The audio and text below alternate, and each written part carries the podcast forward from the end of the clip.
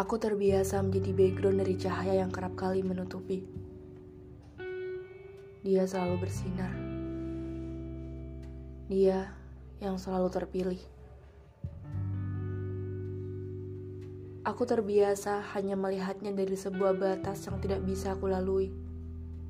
Segala hal tentang dia. Semuanya.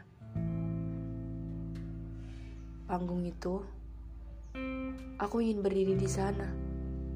Ingin kutunjukkan apa yang ku bisa. Tapi aku tidak terlihat.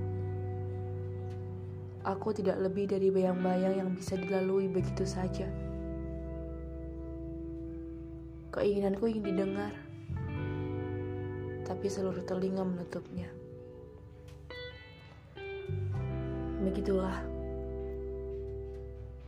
Begitulah Mika ingin menampakkan dirinya. Berusaha begitu keras untuk terlihat, tapi ia hanya bayang-bayang. Iya, Mikaela Margareta lahir hanya sebagai bayang-bayang kakaknya, yang harus mengikuti segala hal tentang dia.